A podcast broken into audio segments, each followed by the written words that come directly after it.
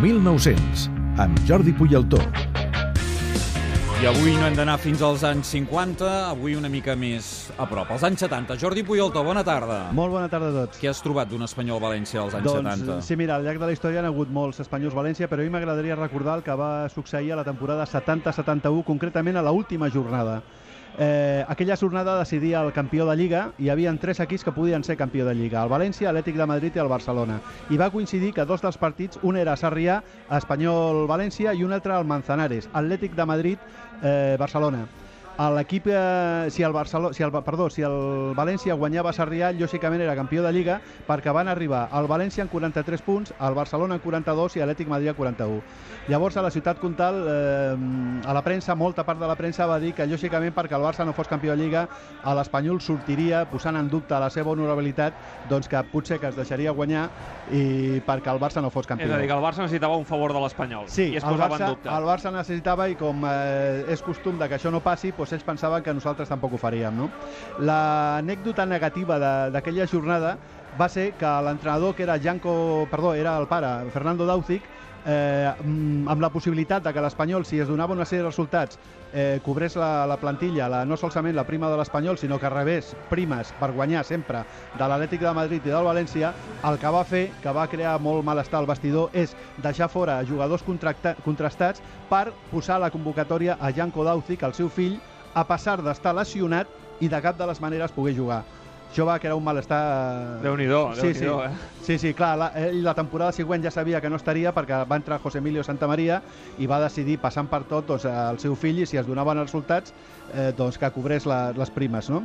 Eh, els dos partits van començar a l'hora, que eren les 5 de la tarda, a la mitja part anaven 0-0, con lo qual el, el, continuava el València campió de Lliga, i què va passar? Doncs que al minut 25 de la segona part el Barça va marcar el seu gol eh, a través de Martí Filucia, en aquell moment el Barça era campió de Lliga, però uns minuts després l'Espanyol va marcar el seu gol a través de, de la Mata, que precisament estava cedit per l'Atlètic de Madrid, i amb aquell, eh, es, van posar, es van passar un a 0 que va acabar així, l'Espanyol va, va guanyar el València, i un minut després, Luis Aragonès, el que després va ser seleccionador nacional, va empatar amb l'Atlètic de Madrid, que va també ser resultat final, i llavors va acabar 1 a 0 a favor de, de l'Espanyol, els altres dos que podien ser campions i guanyaven eh, van empatar, con lo qual per average el València va quedar campió de Lliga perquè havia guanyat el Camp Nou 0-2 i havia empatat a València.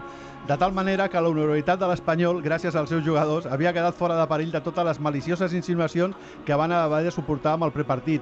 I després, amb els mentiders eh, futbolístics, aquelles tertúlies que es fan, eh, es va saber que tots els jugadors van cobrar la, les tres primes. Victòria de 1 a 0 contra el València, que de fet és una de les més recordades de la història de l'Espanyol.